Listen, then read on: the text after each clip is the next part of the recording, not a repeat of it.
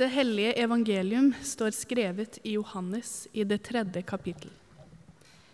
De gikk til Johannes og sa til ham, Rabbi, han som var sammen med deg på den andre siden av Jordan, og som du vitnet om, han døper nå, og alle går til han. Og Johannes svarte, et menneske kan ikke få noe uten at det blir gitt han fra himmelen. Dere er selv mine vitner på at jeg sa, jeg er ikke Messias, men jeg er sendt i forveien for ham. Den som har bruden, han er brudgom. Men brudgommens venn står og hører på han og gleder seg stort over å høre brudgommens stemme. Den gleden er nå blitt min fullt og helt. Han skal vokse, og jeg skal avta. Slik lyder det hellige evangelium.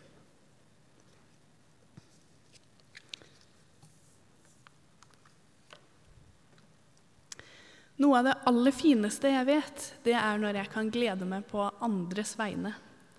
De gangene jeg har fått lov til å se gode venner bli gift, eller det øyeblikket en av mine beste venner fikk stolen sin, og det gikk opp for henne at flere år med arbeid hadde gitt resultater i ordinasjon, og at hun endelig hadde blitt prest. Sånne øyeblikk hvor jeg får lov til å være med og kaste lys på andres glede, det er sånne øyeblikk som jeg liker å ta vare på.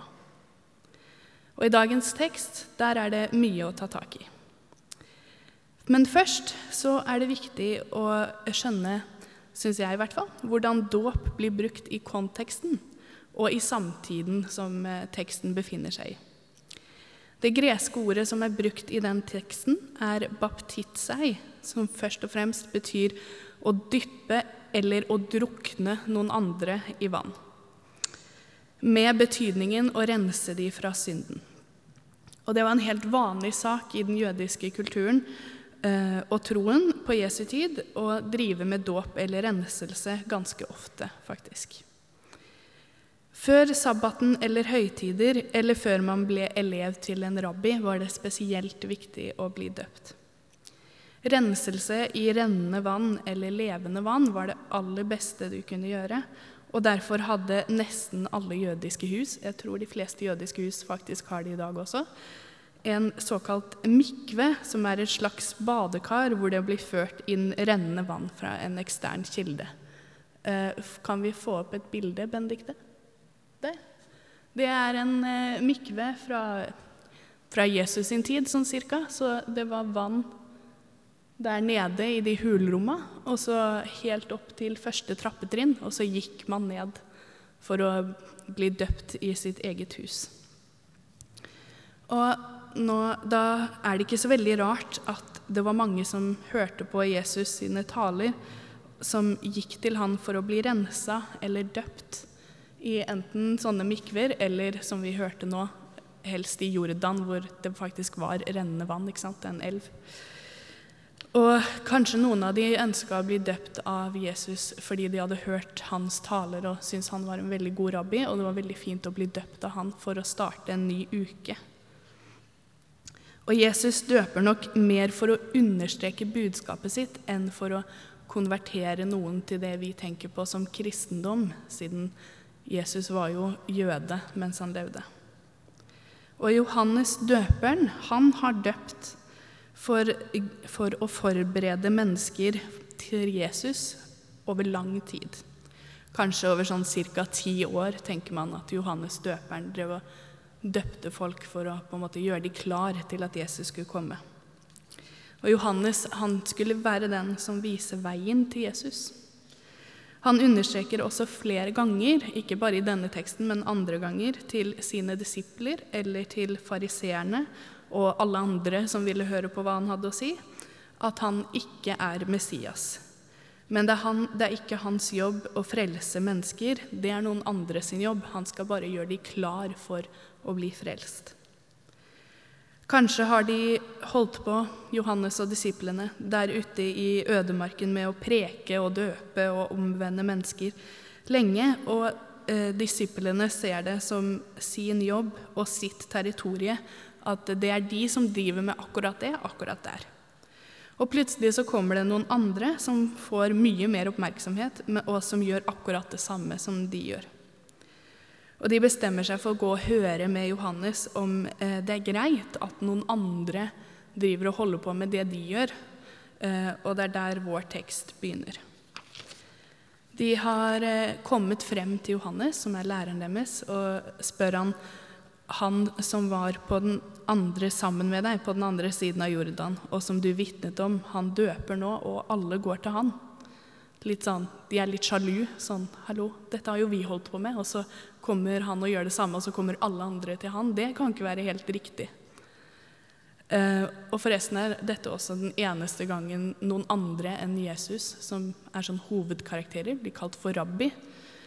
Uh, så det er, det er, veldig viktig for dem å få dette avklart med Johannes, siden de kaller ham for rabbi, som betyr lærer.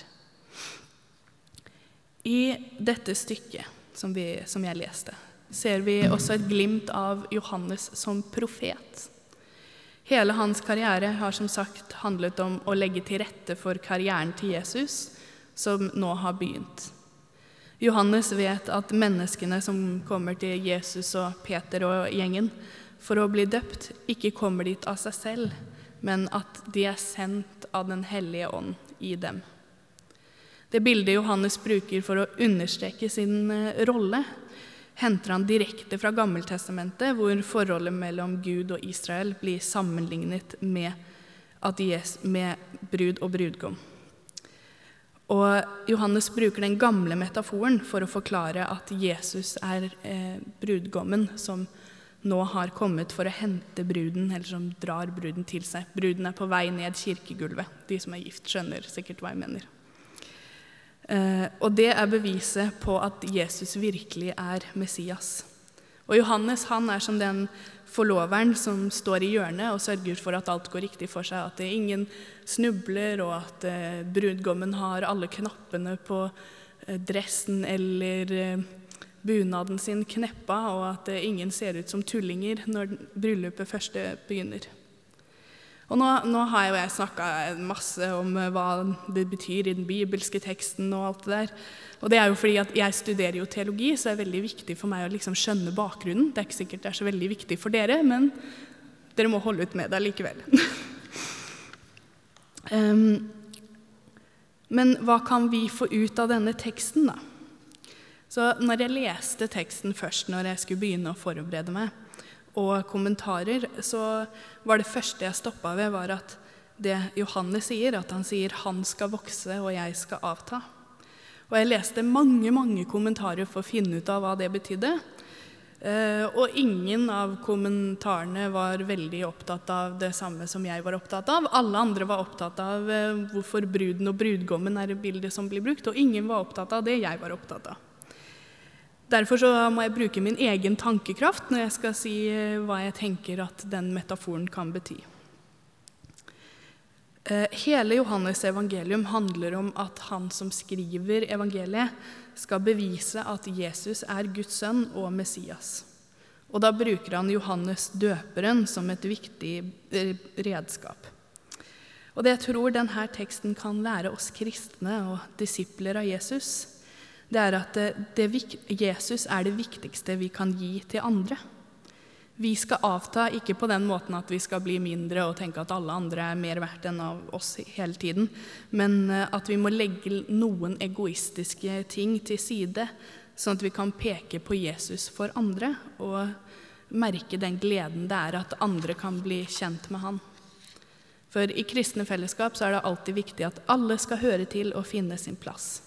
Og Der kan vi også lære noe viktig av Johannes døperen, og det er å se, stå og se på at mennesker faktisk finner plassen sin i fellesskapet, og at det er minst like viktig som å hause seg selv opp. For Johannes døperen han er en viktig skikkelse, selv om vi ikke snakker om han så veldig mye.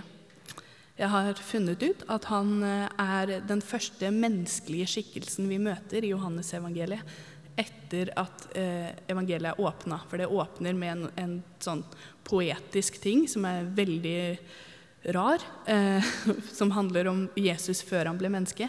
Og den første mennesket vi møter, det er Johannes, som sier at han er der for å peke på Jesus. Og han er da forbilde for alle andre mennesker, at alle andre også må peke på Jesus. Eh, og i teksten vi leste, så peker verken Johannes eller disiplene hans nevner Jesus ved navn.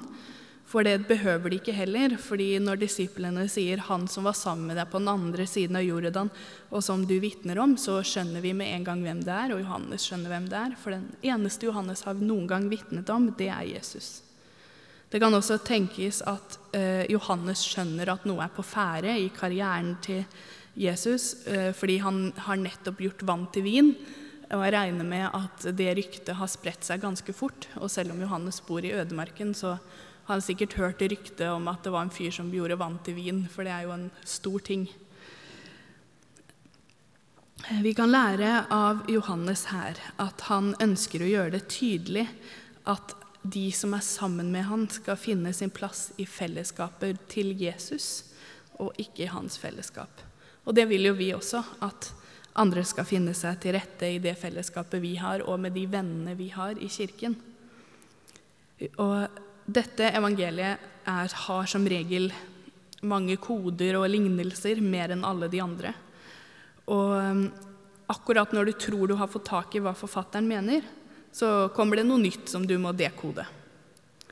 Og det tror jeg det som er det viktigste vi kan lære av denne semipoetiske teksten i evangeliet, er at når forfatteren peker på Jesus, så peker han også på kjærligheten. Og kjærligheten til hverandre. Så når vi tar noen andre inn i det kristne fellesskapet og ser at de trives, så kan vi få den samme følelsen og gleden som når vi ser at eh, to mennesker vi kjenner, finner hverandre og vil gifte seg, eller noen når et mål etter mange års utdannelse.